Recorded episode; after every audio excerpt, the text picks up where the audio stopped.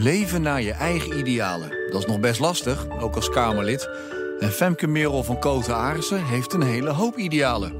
Ze zit in de Tweede Kamer voor de Partij voor de Dieren. Niet voor haarzelf. Ik, ik haal daar echt energie uit dat ik het doe voor een ander. Ik ben Jeroen Stans en dit is Den Haag Centraal.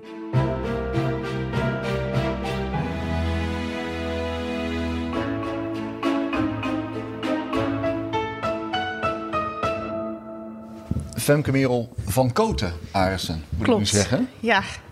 Gefeliciteerd. Ja, dank. Maar iedereen kent je natuurlijk als Femke Merel Arissen. Klopt. had al de vrouw die een lange naam heeft. Maar je dacht, tijd voor wat uitbreiding. Ik maak hem nog langer. Ja. Ja, inderdaad.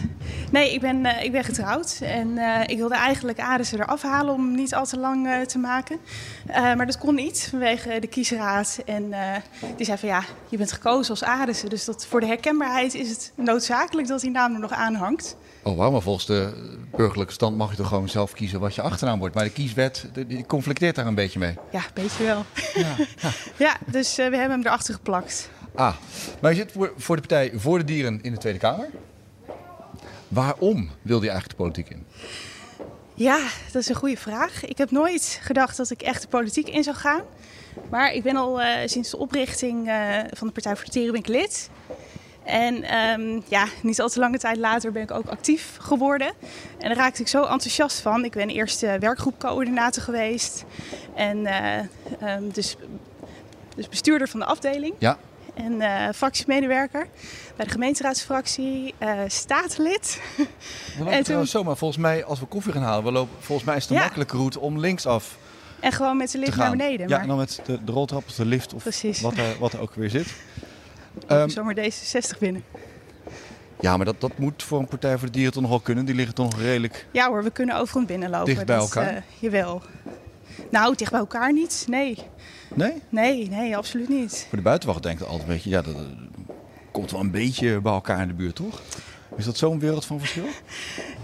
Ja, niemand weet eigenlijk meer waar D66 voor staat. En uh, wij beschouwen ons toch wel als de groene buitenboordmotor van de Tweede Kamer.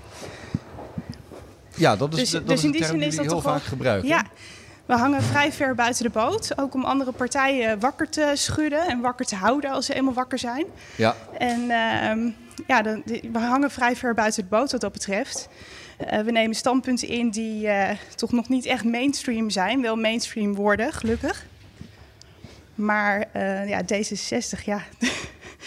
we liggen toch wel vrij ver van D66 af. Je helaas. hebt het er niet heel erg op, volgens mij. Als ik het, als ik nou, het als je hoor. kijkt naar het stemgedrag van D66 dan is er door uh, dierenorganisaties uh, is er een onderzoek gedaan. Hoe stemde D66 uh, voor Rutte 3? Ja. Uh, voordat ze in de coalitie zaten. En dat was 58% diervriendelijk in Rutte 2. En in Rutte 3 is er nog maar 5% van overgebleven.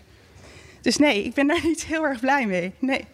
Maar dat zou dan toch ook, dan trek ik meteen de, de vergelijking door hoor. Jullie zitten nu met z'n vijven in de fractie, van twee naar vijf gegaan bij de laatste Tweede Kamerverkiezingen.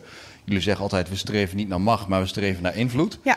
Maar uiteindelijk de meeste invloed heb je misschien wel in een coalitie. Stel dat je ooit daarin komt, dan moet je dus compromissen gaan sluiten. Ja, maar dan moet je niet je uh, idealen uh, aan, de, volgens mij rechtdoor. Ja. aan de wil hangen, om het zo maar te zeggen. En dat is wat D66 wel degelijk doet. Uh, ik kijk alleen maar naar het referendum. Dat was toch een van de kroonjuwelen van D66. Dus ja. dat, dat zal de Partij voor de Dieren nooit doen. Maar ik ga nog even terug naar, naar waar we net over begonnen. Je sloot je aan, je deed heel veel werk voor de Partij voor de Dieren. Klopt. Maar goed, er zijn in Nederland, wordt er om de zoveel tijd wordt er een nieuwe partij, politieke partij opgericht. Ja. Daar had je ook wel kunnen aansluiten. Wat Nee. was het dan dat je dacht, oh, ik wil echt heel graag bij deze club horen? Ja, ik miste bij de, bij de meer traditionele partijen een partij die opkwam voor eh, dus ten eerste dierenrechten. Dieren waren toch altijd, ja, dat, dat, dat was niet echt eh, super hip om je daar sterk voor te maken in de politiek. Het was altijd een subparagraafje weggestopt ergens in een verkiezingsprogramma. Ja. En als partijen dan uiteindelijk gingen regeren, zag je dat, dat, eh, dat het helemaal niets meer, niets, niets van waarde had meer. En ik voelde me niet zo, niet zo thuis bij uh, de, ja, de partijen die een korte termijn visie hadden op de economie, op uh, duurzaamheid, wat bij de meeste partijen een uitgehold begrip is. Uh, het is echt een, een, soort containerbegrip geworden.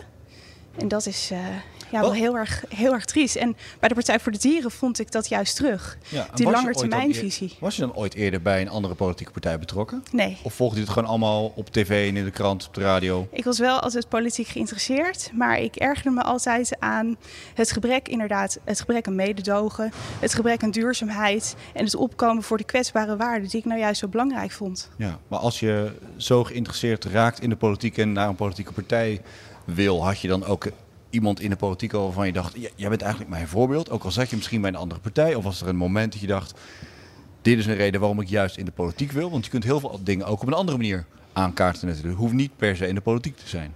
Nee, nee, dat klopt. Um, ik heb onder andere rechten gestudeerd en ik dacht altijd van ik word advocaat. um, dat is een kleine stap, hè, natuurlijk. Ja, ja en ik, ik zat ook van ja, ik wil heel graag uh, mensenrechten, dierenrechten. En op het moment dat ik aan het studeren was, uh, werd de Partij voor de Dieren opgericht. Uh, en dan vanaf dat moment, ja, het klinkt een beetje flauw, maar Marianne Timmer was vanaf dat moment al mijn grote voorbeeld. Maar dan werk je met je grote voorbeeld. Dat lijkt me soms ook wel heel erg lastig. Dat je dan heel erg tegen iemand opkijkt, terwijl je ook mee moet samenwerken. Uh, ja, ja, maar het is wel zo laag, laagdrempelig. En Marianne helpt me zo ontzettend met, uh, met het, met het uh, vormgeven aan mijn ambities. En het motiveren dat, ik, dat ik dingen kan. En dat ik dingen ook, ook echt ga doen. Dat heeft me ontzettend geholpen juist. Ja, dit wordt even een terug. Dit, laat zo, dit, dit is een terugkerend ding. Oké. Okay. Nou, we moeten even door het poortje heen. Ja. ja. dan moet, moet ik even, jouw microfoon, microfoon overnemen. Ja, want een opnameapparaat met twee microfoons en je moet hier een pasje hebben om door de poort heen te kunnen. Dan zie ik je aan de andere kant van de poort weer.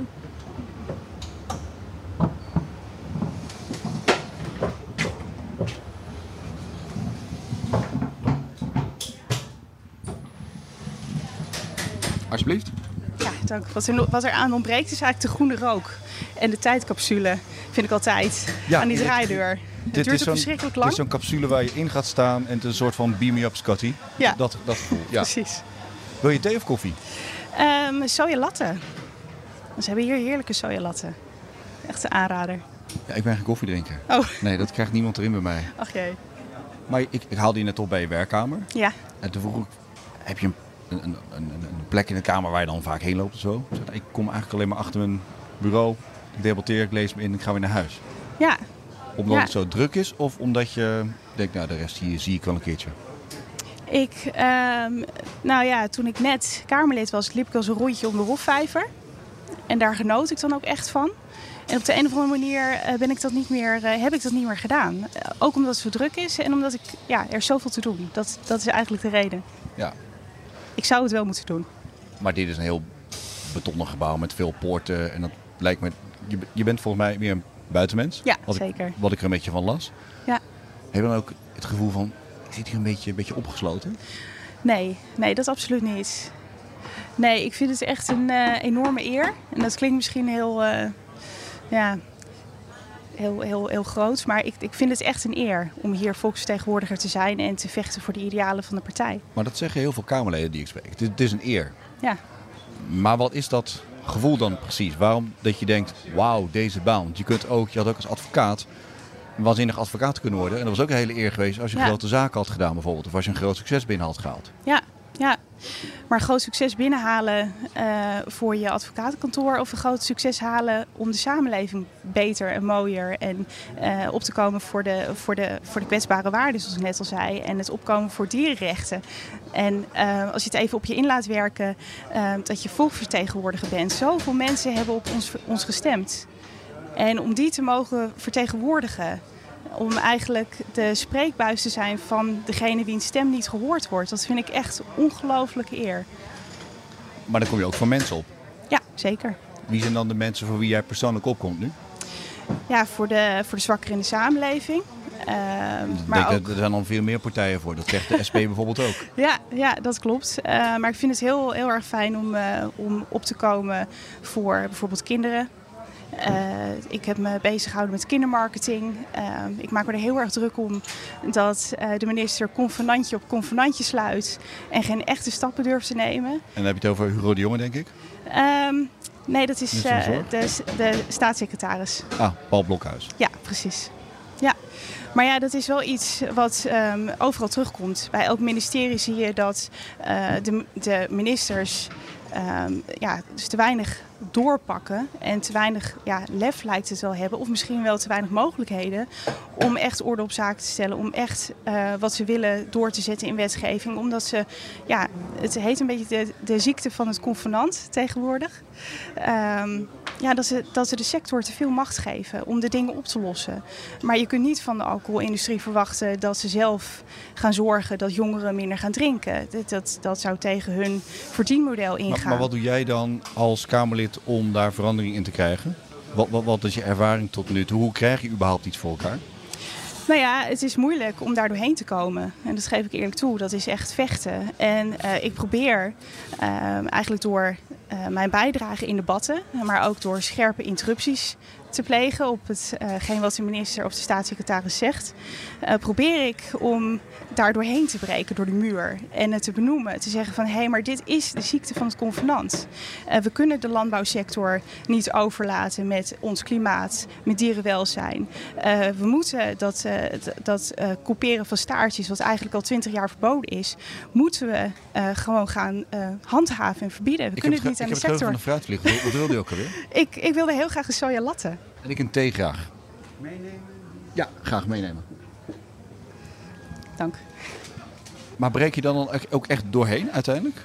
Door, dat, door, dat, door die brei aan convenanten? Is dat je in ruim een jaar gelukt? Dankjewel. Um, ja, dat is, uh, dat is een goede vraag. Uh, ja en nee. Ik probeer uh, mensen bewust te maken die uh, luisteren naar de, naar de bijdragen en naar de verschillende debatten. Ehm, ik probeer het de minister en de staatssecretaris zo, um, ja, zo moeilijk mogelijk te maken. En ik probeer andere partijen te overtuigen om met onze moties mee te stemmen en uh, diezelfde zelfde opmerkingen te maken. Ik probeer echt aan te jagen. En dat, ik denk dat dat ook de belangrijkste functie is van de Partij voor de Dieren, die aanjaagfunctie. Maar is je dat persoonlijk nu gelukt tot nu toe? Je zit nu ruim een jaar in de Tweede Kamer? Um, ja, er zijn wel wat moties uh, aangenomen natuurlijk. Um, maar ja, dan is het ook altijd de vraag hoe wordt zo'n motie uitgevoerd? En daarin zie je toch een soort van, um, bijvoorbeeld uh, vlak voor de kerst is er een motie kamerbreed van mij aangenomen om het mogelijk te maken, het breder mogelijk te maken om huisdieren mee te nemen naar uh, verzorgingshuizen, verpleeghuizen um, en allerlei soorten zorginstellingen. Je blijven hangen, dan hebben we een hogere ja. tafel en dan kun je ondertussen want die koffie, niet, die thee. Uh, te nee, luidruchtig?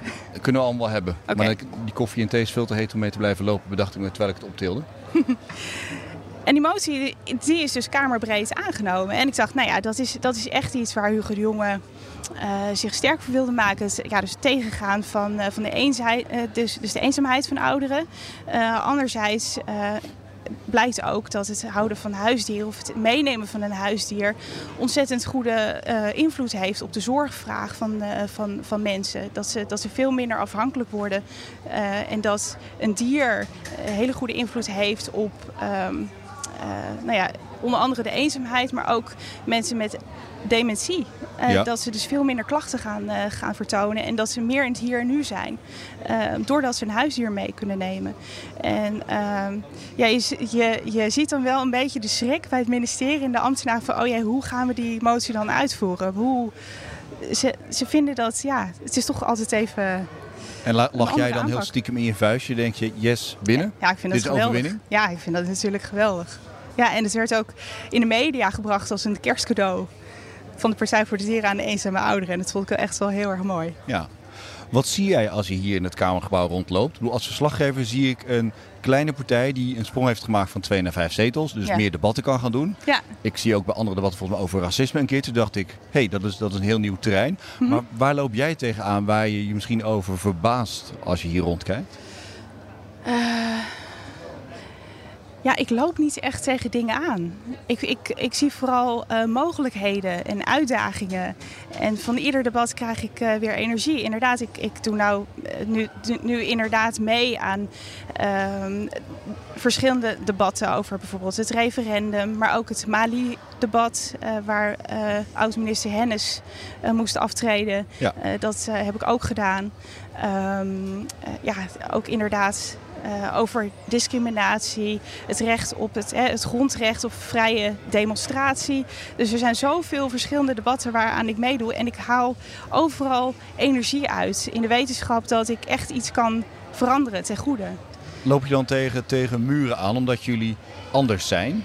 Of dat partijen even aftasten wie eigenlijk Femke Merel van Koten Arissen is en wat, wat, wat, wat ze eigenlijk wil. Waar ze voor staat. Omdat jullie andere denkbeelden hebben dan de meeste andere partijen. Ja.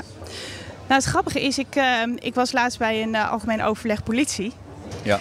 En ik, uh, ik zag de minister even schrikken toen ik binnenkwam. Want ja, wat doet de Partij voor de Dieren bij een algemeen overleg politie? Die dacht, dit gaat er over de dierenpolitie straks. Nou ja, grote kans. En inderdaad, het ging daarover. Maar het ging ook over dus het terugbrengen van de wijkagent.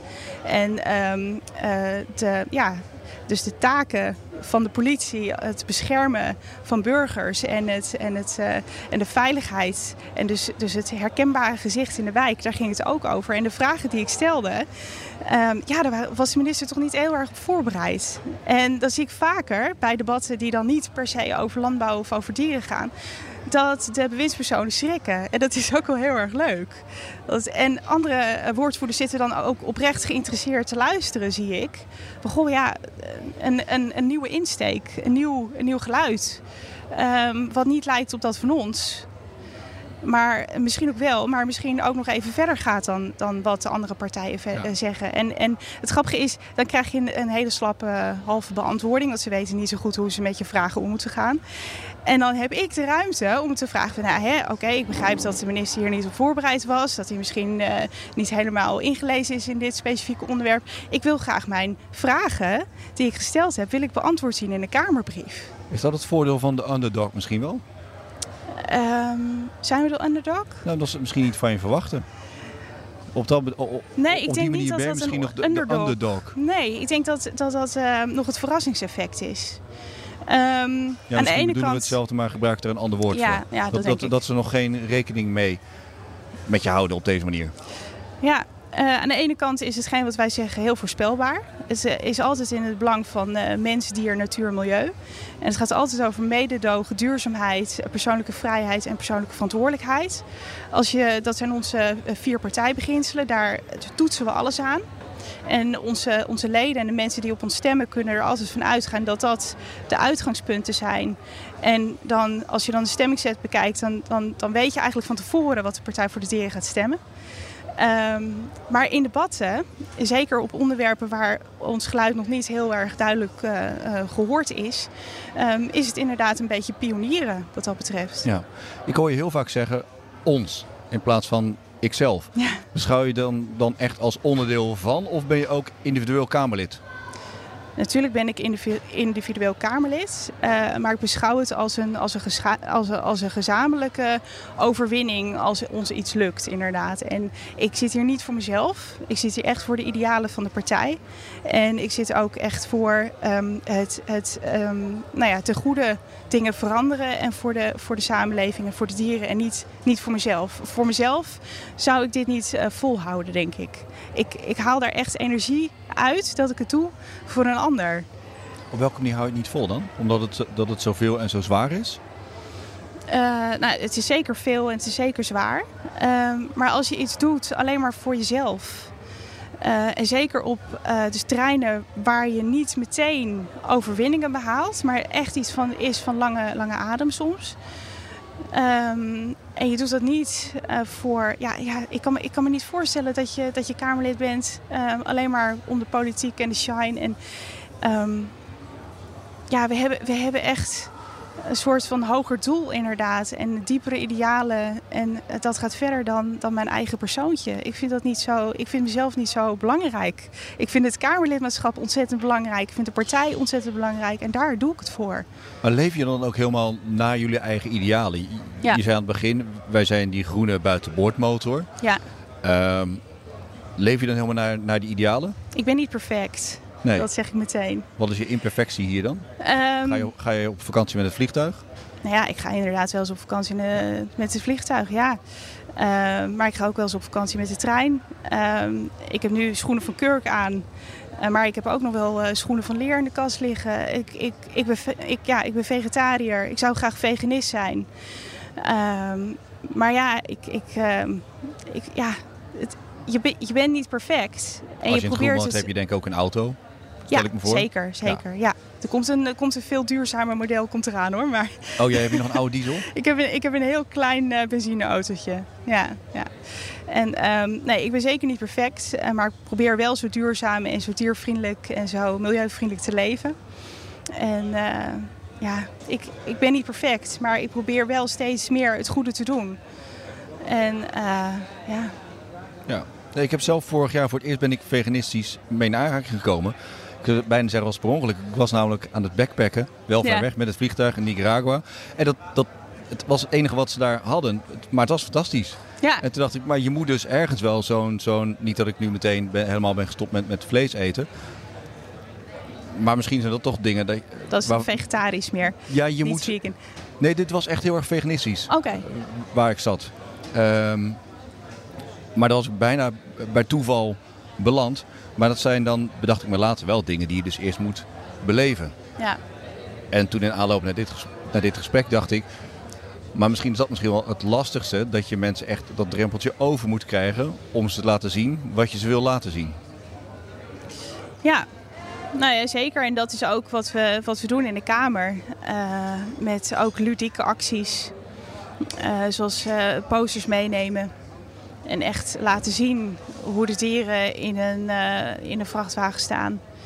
En ook filmpjes laten zien van hoe, wat er gebeurt er nou eigenlijk in zo'n slachthuis. Ehm, en daar kamervragen over stellen. En ja, mensen toch Maar, echt... dat, maar, maar dat doen actiegroepen ook. Dat doen ac- actiegroepen ook, maar wij kunnen daar ook politieke stappen aan verbinden. Maar vind je dat ook de, de, de taak van een ehm, Kamerlid om dat ook zo te doen? Ja, waarom niet? Geen idee. Gewoon open vraag. Denk, jij, wat, zijn zeg maar de manieren waarop jij uiteindelijk eh, politiek wil bedrijven op, om je, je doel te bereiken? Moet dat, wij- wijkt dat ook af van wat zeg maar, hier de standaard is? Ja, nou ja, in, in, in die zin bedrijven wij de zogenaamde eh, ja, dus de expressieve politiek. Ehm, en dat doet, doen, doen andere partijen natuurlijk een stuk minder. En eh, daarin onderscheiden we ons ook. Ik denk dat het heel erg belangrijk is dat je ehm, laat zien waar je voor staat. En misschien op een andere manier daarmee de aandacht trekt. Eh, zoals, ik, ehm, zoals ik al zei, ik, ik heb me ook al hard gemaakt voor, eh, voor, het, voor het verbod op kindermarketing. En ik ben tijdens het begrotingsdebat Volksgezondheid heb ik allerlei koekjesverpakkingen aan elkaar geplakt.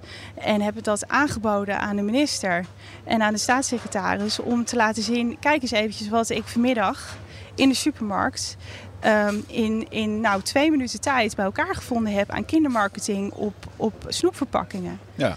En wat vindt de staatssecretaris daar nou van? Eh, Is hij nog steeds van mening dat het al- allemaal maar meevalt en dat het nog wel even kan? En merk je dat dat, dat dat dan beter werkt dan gewoon alleen maar schriftelijke vragen stellen en iets vertellen zonder dat je het beeldend kunt maken?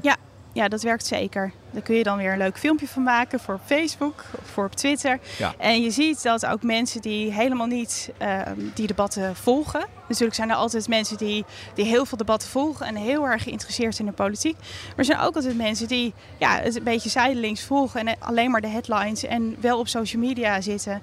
En denken van hé, hey, wat grappig wat daar gebeurt. Dat, eh, daar wil ik meer, meer van weten. Wat, wat, wat doet zij daar met al die verpakkingen? Wat, wat heeft ze te zeggen? Word dan privé eigenlijk ook nog veel aangesproken op je werk als, als Kamerlid? Gewoon, gewoon door je naaste omgeving. Dat ze je ergens op tv hebben gezien. Of Ja. als verslaggever heb, heb ik dat dan. Dan loop je ergens in beeld en dan gaan mensen herhalen van... Ik heb je gehoord, ik heb je gezien. En dan denk je, ja, maar het was gewoon mijn werk. Maar je hebt Ja. een heel openbaar beroep. Ja. Dus mensen zien en horen wat jij doet. Eh, en Komen ze dan bij jou langs van, hé, hey, maar waar, hoe, hoe zit dat? Of heb je ook zo'n moment dat je denkt, laat me even met rust. Ik ben niet altijd aan het werk. Uh, nee, ik ben, ik ben eigenlijk altijd uh, stand-by. Dus mijn telefoon staat altijd aan en mensen kunnen me altijd uh, vragen stellen. En mijn rondje door de supermarkt wordt regelmatig iets langer. Ja? Doordat ik aangesproken word. Maar word je, dan, word je dan herkend of zijn het dan bekenden van je die, die nog eens aan je vragen van goh, waarom, waarom deed je iets? Ik word nog niet heel veel herkend. Ik ben nog niet een super bekend Kamerlid. Uh, maar dat begint al steeds meer te komen. En ook uh, wat grappige is, ik had laatst uh, in mijn nieuwe woonplaats Woerden, had ik dat iemand, en dat was dus twee keer op één dag, dat er dus mensen gingen zwaaien. En echt van, hey, hallo. En met een blik van herkenning. En dan daarna, oh nee, nee. En jij kom je heen van, staat er iemand achter me die heel bekend is of zo? Nee, precies. En, en toen bleek dus inderdaad dat ik net in het nieuws was geweest. En, dat, en daaraan merk je toch dat, dat mensen het niet helemaal kunnen plaatsen. Maar dat de gezichtsherkenning blijkbaar wel al uh, in werking treedt. Um, ja, dat is wel heel grappig. Maar van bekenden en mensen om mij heen, natuurlijk familie en vrienden. En die vinden het natuurlijk wel heel interessant om, uh, om te horen wat er allemaal uh, gebeurt in de Kamer. Maar ja, ik moet wel zeggen, na een jaar zwakt dat heel erg af. Dus dan kun je alleen de, de echt belangrijke dingen en niet van... hé, hey, ik, ik heb ja. je op het journaal gezien. Maar doet het iets met je, zulke aandacht? Streelt het je ego of denk je nou, ik ben nuchter zat, ik laat van me afglijden en ik laat me niet afleiden. Ja, ik vind het, uh, eigenlijk is het een beetje noodzakelijk kwaad. Uh, je moet zichtbaar zijn als Kamerlid. Ook om je partijidealen aan het uh, voetlicht te brengen. En dat goed te kunnen, nou ja, ik noem maar even uitventen. En ook om de, om de bekendheid te geven aan onze, onze visie. Um, ik vind het nou niet uitgesproken leuk om op tv te zijn, nee. Nee. Nee. De slotvraag, ik, ik vind het een hele stomme vraag, maar toch ga ik hem stellen, want ik moet hem een keertje kwijt. Oh jee. Femke Merel, is dat je echte roepnaam of heb je de Merel erbij gedaan? Was het bijvoorbeeld je doopnaam, maar dacht je ik ga bij de Partij voor de Dieren, dus nee. nu ga ik mezelf Femke Merel noemen? Nee, nee, nee. nee het is altijd al verwarrend geweest, vanaf de basisschool af aan eigenlijk. um, maar ja, dat hebben mijn ouders heel bewust uh, mij die voornaam gegeven en de streepje vonden ze niet mooi. Dus het is echt mijn voornaam. Vooruitziende blik van je ouders misschien wel? Ja, misschien wel. Het is ja. wel leuk bij passend, hè? Zeker.